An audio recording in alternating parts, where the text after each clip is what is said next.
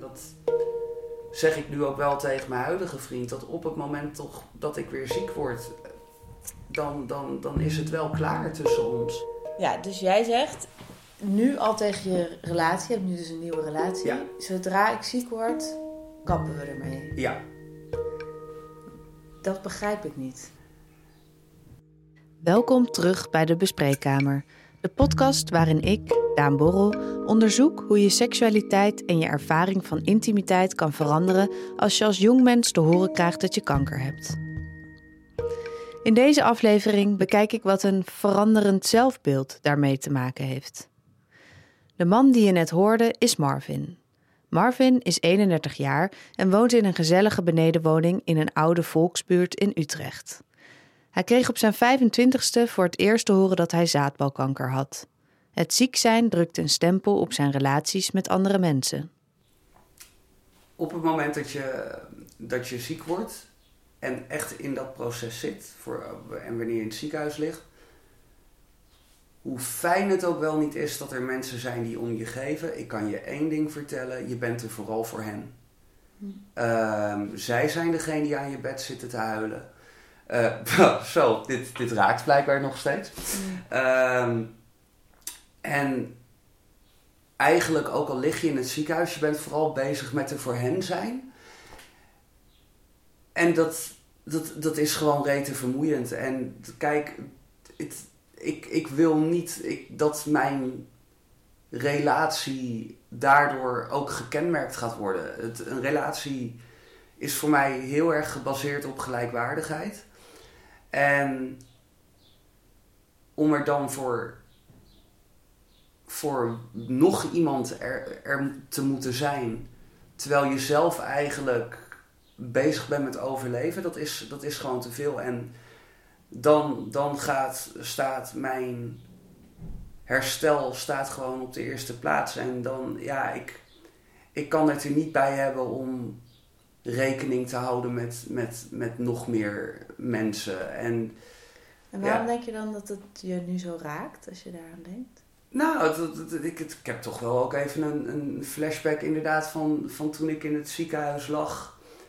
Eh, en dat er inderdaad mensen om je heen zitten en die hebben tranen in hun ogen. En wat gewoon heel erg vervelend is in die hele periode in het ziekenhuis. De, de momenten dat ik aan het huilen was, waren de momenten dat ik alleen was. Ehm, ik, ik kan me een bepaalde, een bepaalde week herinneren. Toen zat ik ook echt al wel wat verder in, in het chemotraject. En ik was ook bezig met afspraken afzeggen, omdat ik echt zoiets had van ik moet, ik moet alleen zijn. En eh, nou, het- ik, ik lag toen op een iets wat grotere zaal. Dus ik had het gordijn had ik ook een beetje dicht gedaan. Omdat ik ook echt even niet geconfronteerd wilde worden met, eh, met andere patiënten. En toen durfde, durfde ik eindelijk een keer te huilen. En toen kwam er op den dure verpleegkundige en zei zo gaat het wel. En ik, ik kon gewoon even niet ophouden. En toen zei ze, ik ben zo blij dat je dit eindelijk even een keer toelaat. Want iedere keer als er bezoek is, je, je doet jezelf zo goed voor en, en, en je, je bent gewoon de hele tijd gezellig en je doet gewoon echt, je gedraagt je alsof iemand die inderdaad gewoon visite thuis krijgt. En op het moment dat die mensen weggaan, dan zie ik jou iedere keer weer instorten. En wat goed dat je nu eindelijk even dit, dit toe durft te laten. En ja, ik heb die dag heb ik eigenlijk gewoon de hele dag stil in bed uit het raam gekeken, naar de vogels gestaard en, en gewoon gehuild. En niet omdat ik mezelf zo zielig vond, maar gewoon eh, omdat ik eindelijk op een, op een punt was dat ik eigenlijk dermate uitgeput was om iedere keer die muren zo hoog te houden. Ja. En beïnvloedt het je relatie op dit moment dat je weet dat er zo'n plan is? Nou, wat de relatie meer beïnvloedt is niet zozeer het feit dat, dat ik dit plan heb. ehm, maar het feit dat ik heel erg in de mentaliteit zit van alles is tijdelijk. Dus ook relaties. En eh, dat, ik ben daarin ook heel, heel praktisch ingesteld. Want hoeveel mensen blijven nu nog hun hele leven bij elkaar en alles. Eh, en ik heb, ik heb het daar inderdaad ook met mijn vriend over gehad. En dat hij, hij, hij hoopt wel inderdaad dat dat verandert. Wat hij zegt ook heel terecht. En hij, toen hij dat zei, dacht ik, oh ja, heb je eigenlijk wel een punt. Uh, juist ook als je op zo'n manier in een relatie staat van alles is tijdelijk, betekent het inderdaad dat je jezelf ook nog niet volledig open durft te stellen. Um, omdat je er toch ga, van uitgaat dat het op den duur weer klaar is. Dus, dan dus het kan je... weerhoudt ook een bepaalde intimiteit. Ja, ja en uh, hij hoopt inderdaad ook wel dat die gedachtegang bij mij nog verandert. Hij zegt van ja, hey, logischerwijs wat je zegt klinkt, klinkt heel aannemelijk. Maar om op zo'n manier in een relatie te zitten, dat, dat, dat betekent gewoon dat je, dat je mij ook niet volledig toelaat. En dat je jezelf ook niet volledig openstelt. En het, ik zou het fijn vinden als dat in de toekomst wellicht nog zou gebeuren.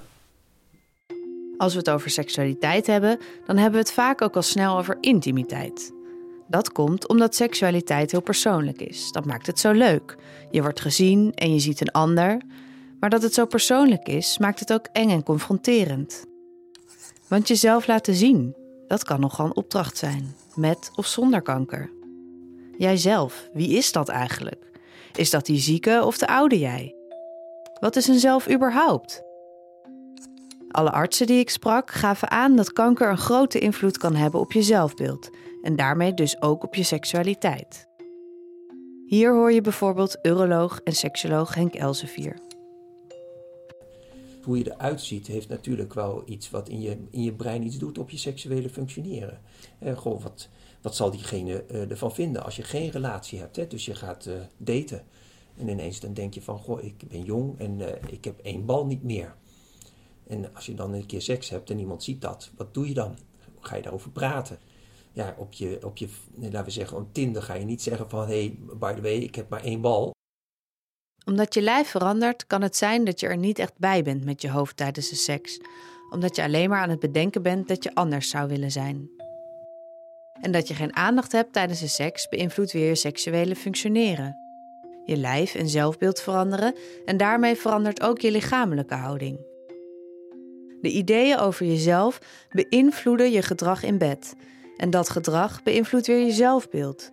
Het is een vicieuze cirkel waar je soms moeilijk uitkomt. De Belgische psycholoog Paul Verhagen schrijft in zijn boek Intimiteit dat seks en intimiteit niet per se samen hoeven te gaan, maar dat het wel kan. Intimiteit gaat over jezelf kunnen zijn. Over kunnen zijn met wat er op dat moment voor jou is. Of dat nou verdriet, geilheid of blijheid is. En voordat je intimiteit met anderen kunt ervaren, zegt Verhagen, moet je eerst intimiteit met jezelf kunnen ervaren. Gemakkelijk zijn met jezelf. Dat kan zeker als je kanker hebt of hebt gehad lastig zijn. Verhagen legt dit als volgt uit. Er is geen scheiding tussen geest en lichaam, maar wel een andere verdeeldheid in een mens, namelijk tussen mij en mijzelf. Dat is prachtig, want daardoor kunnen we ontwikkelen. Maar het zorgt ook voor een stem in je hoofd die geneigd is constant alles te bekritiseren. Bijvoorbeeld dat je niet vaak genoeg seks hebt. Dat stemmetje is niet wie jij bent. Het wordt gevormd door de ideeën uit de samenleving om je heen. De films die je ziet, de boeken die je leest, de Instagram-posts die je voorbij ziet komen. Maar het gevaar is dat je je wel gaat identificeren met die kritische stem. Dan ben je dus de hele dag bezig met jezelf omlaag aan het praten dat de situatie eigenlijk anders zou moeten zijn. Dat je meer of minder seks zou moeten hebben. Dat je harder, natter, geiler zou moeten zijn. Iets anders zou moeten voelen. Fijner is om die stem te leren herkennen en met mededogen te observeren. Als je dit leert, dan is het minder eng om alleen te zijn. En als je makkelijk intiem met jezelf kunt zijn, zegt Paul Verhagen, en jezelf niet meer zo veroordeelt, kun je ook intiemer met anderen zijn. Het gaat dus eigenlijk over vriendschap sluiten met jezelf en je innerlijke criticus. Maar ja, dat is natuurlijk geen gemakkelijke klus. Dat weet ook Marvin. Toen hij ineens sapo-kanker bleek te hebben, veranderde hij van iemand die midden in het leven stond naar een man die verraden was door zijn eigen lichaam. Dat is misschien een beetje een vreemde vraag, maar als iemand borstkanker krijgt, dan vraag je best wel snel van had je een bepaalde relatie met je borsten? Had jij dat met je, met je ballen? nou, uh, nou, ja en nee. Kijk, ik bedoel, het, het, het is onderdeel van je, dus je staat er niet heel erg bij stil. Maar op het moment dat er wordt gezegd van hé, hey, we, gaan er, we gaan er nu ook daadwerkelijk één verwijderen, dan, dan wordt het ineens een heel ander ding. Omdat uh, waar ik heel erg tegenaan liep bijvoorbeeld, was gewoon het feit dat ik mezelf. En ik denk dat borstkankerpatiënten dat misschien wel kunnen herkennen. Dat ik ineens zoiets had van, oh, ik voel me nu verminkt. En, en dat was gewoon heel gek. Want ik, ik had nog nooit zoiets ervaren eigenlijk. En ehm, ja, wat daardoor eigenlijk gebeurde, omdat ik mezelf verminkt voelde tussen aanhalingstekens. Ja, dan ga je toch inderdaad nadenken van oké, wat, wat doet dit nu met de perceptie die ik tot mezelf heb? Vind ik mezelf nu nog wel volwaardig man of jongen in die tijd? Uh, maar behalve dat was het ook heel erg van, ja, wel, hoe gaat de buitenwereld daar ook op reageren? Want ik kreeg wel de optie ook aangeboden om gelijk een kunstbal te laten plaatsen. Maar ik had zelf zoiets van, nou, ik, ik wil daar gewoon eerst even rustig over nadenken. Iedere operatie heeft natuurlijk ook een bepaald risico. Um, en ik wil geen beslissingen maken over mijn lijf als ik niet gewoon in de juiste mindset ben. Dus ik heb daar expres even mee gewacht.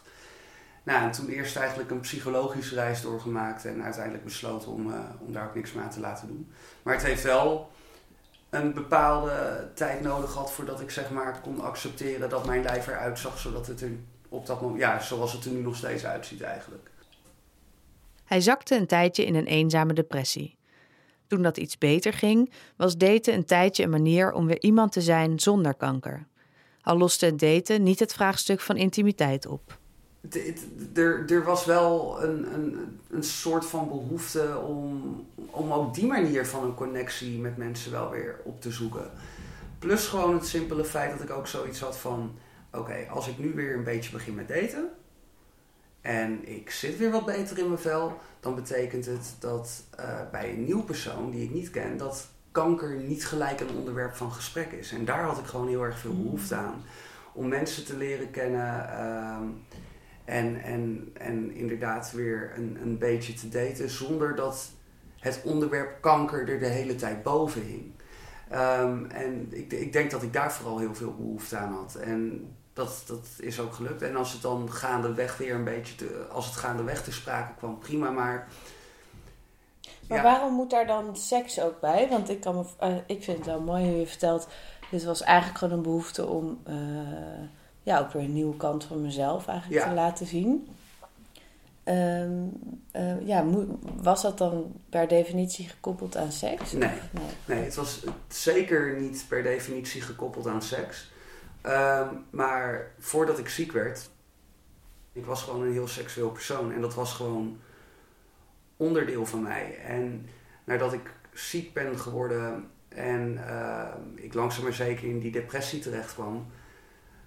Ik merkte gewoon als ik in de spiegel keek en ik keek mezelf aan in mijn ogen, dat, dat, dat ik niet meer die persoon was.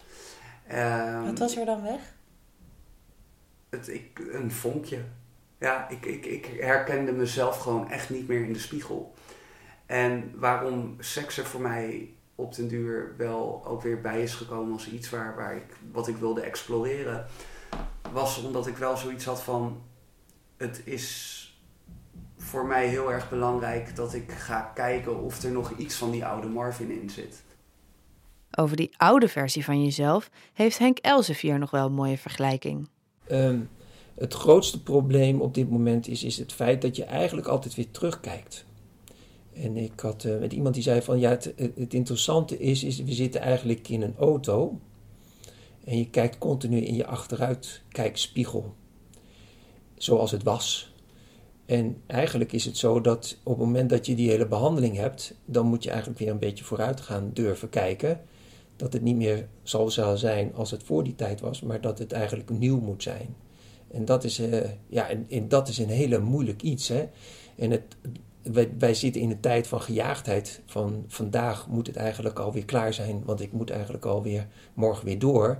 Maar dat zijn processen van verwerking die gewoon wel in uh, misschien soms wel een jaar of anderhalf jaar voor staat.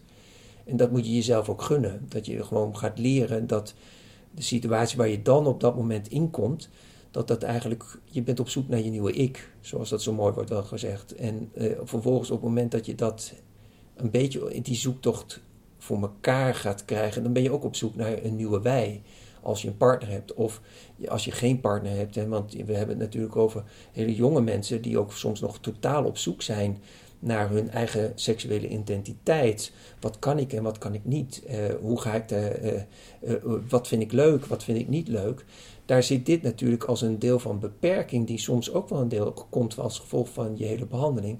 Ja, dat moet daar ergens een plek in zien te vinden. Hè? Bepaalde aspecten van de oude Marvin pasten niet meer in zijn nieuwe levensfase. Dat, dat zorgeloze. Niemand kan mij wat maken. Uh, ik, het, het, ging gewoon heel lekker. Ik bedoel, het, studeren ging goed. Ik had een goed sociaal leven. Uh, nou, ik ben nog steeds lekker bij de hand, maar dat was toen nog meer. Uh, en ja, ik, niks kon me raken. Daar kwam het eigenlijk gewoon op neer.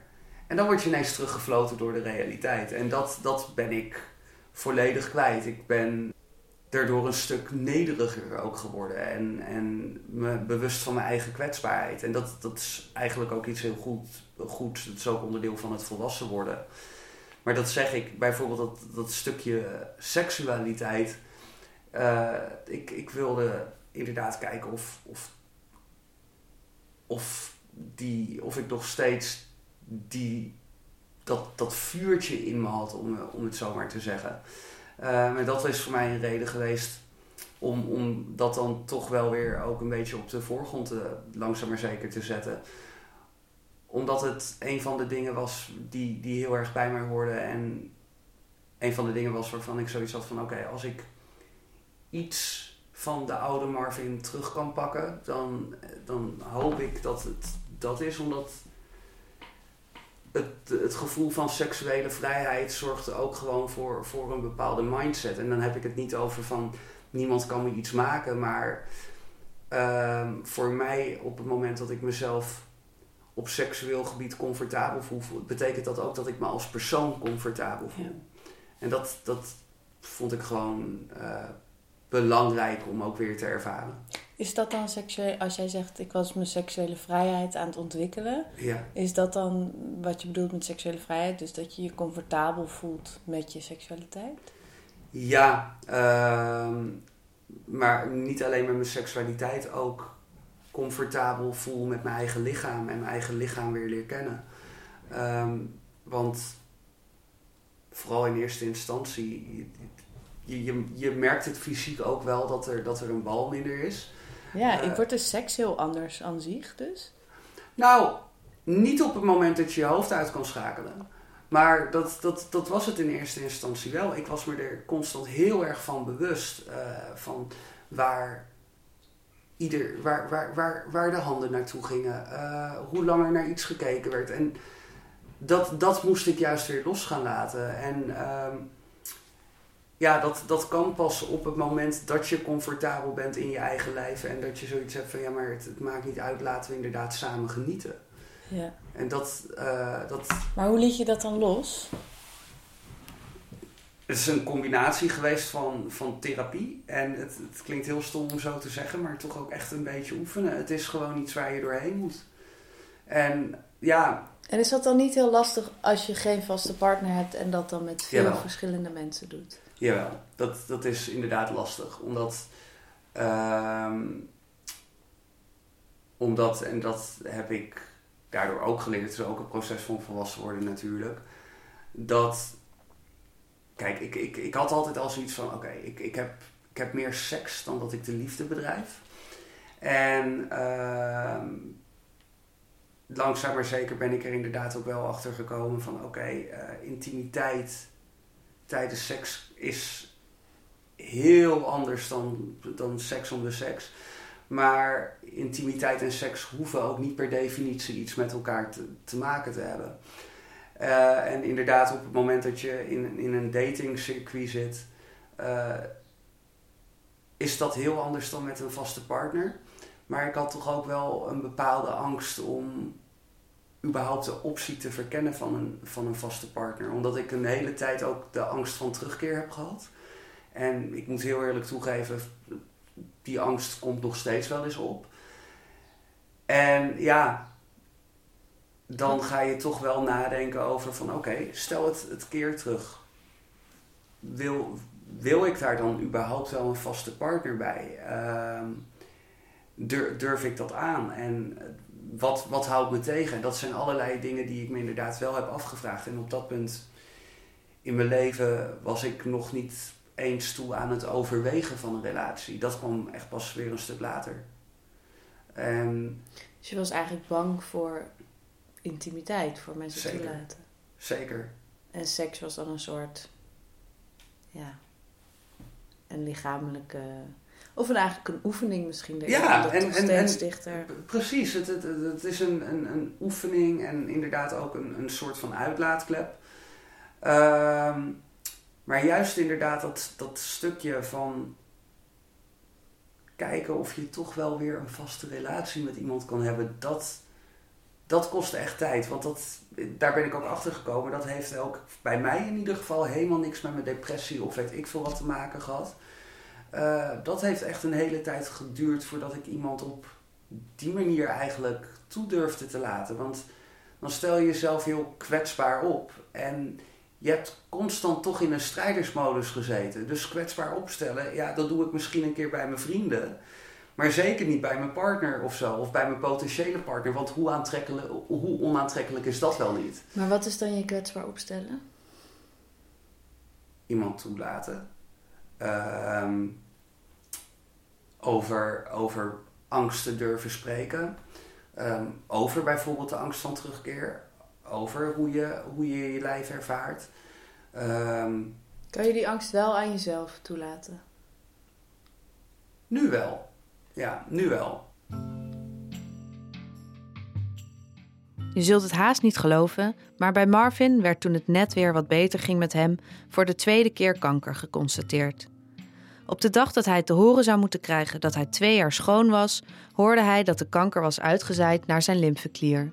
Dit keer moest hij langer behandeld worden. Hij kreeg chemo. Maar hij besloot niet nog een keer in die neerwaartse spiraal te komen. Door de chemo had hij een jaar lang nul zin in seks.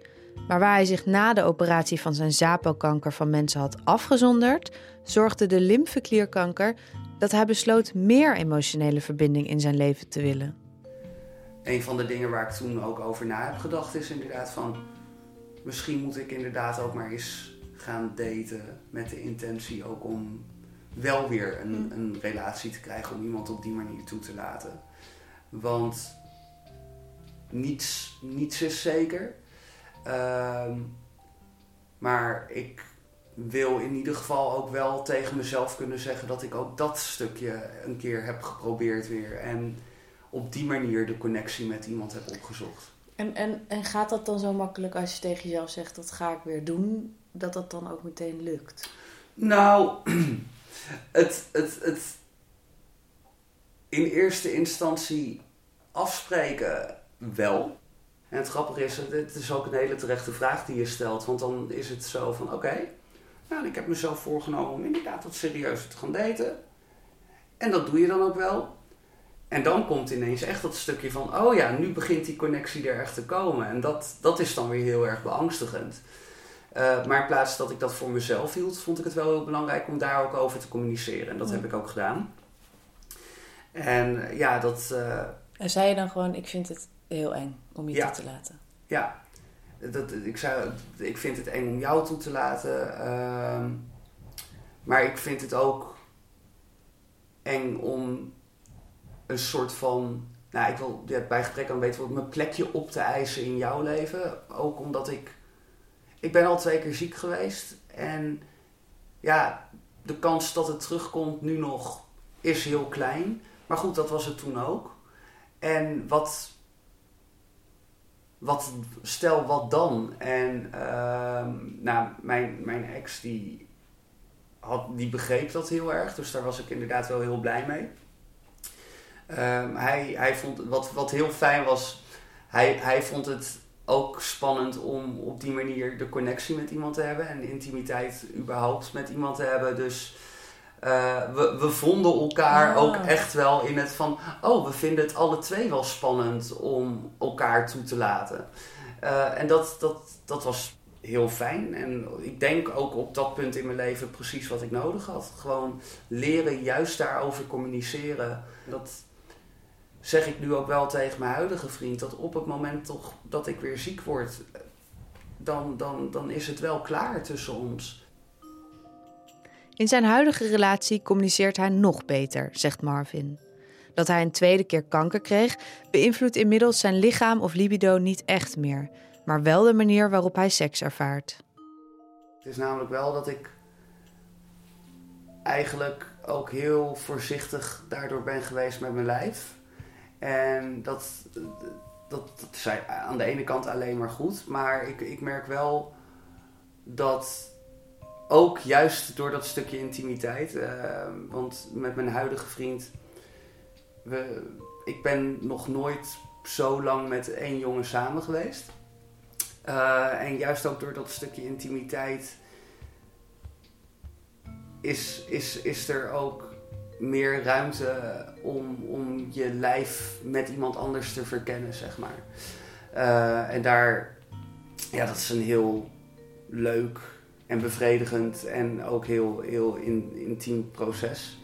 Het er zeg maar ook wel voor dat, behalve het feit dat mijn vriend en ik bijvoorbeeld op dit moment een hele mooie emotionele en mentale en ook wel nou, cognitieve connectie met elkaar hebben, ehm, dat, dat we ook samen een soort van seksuele reis aan het doormaken zijn. En dat, dat is inderdaad heel mooi. Uh, want ik, ik merk van oké, ik word comfortabeler uh, met, met mijn lijf en de littekens en uh, de monobal en alles wat mijn lijf nu heeft doorstaan. En dat is goed. Maar het is ook geen fragiel ding waardoor ik zoiets heb van: oh nee, maar laten we, laten we vooral rustig aandoen, zeg maar. Het is, we, zijn dat, we zijn samen eigenlijk gewoon ons hele seksleven aan het exploreren. En dat, uh, daar, daar komt dan automatisch inderdaad bij kijken dat ik daardoor ook heel erg mijn eigen lichaam aan het ontdekken ben. En dat, ja, ik, eigenlijk heel stiekem hoop ik ook dat dat een proces is wat ik voor de rest van mijn leven blijf hebben. Want ik vind het heerlijk om inderdaad weer uh, in, een, in een ontwikkeling te zitten. Waarvan, waarvan ik zoiets heb van, oh ja, maar dit, dit smaakt naar meer. En er, er is inderdaad meer ruimte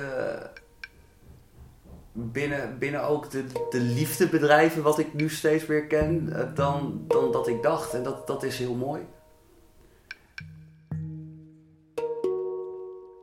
Dit was de tweede aflevering van de Bespreekkamer. De podcast waarin ik onderzoek hoe kanker de seksualiteit en ervaring van intimiteit van jonge mensen kan beïnvloeden.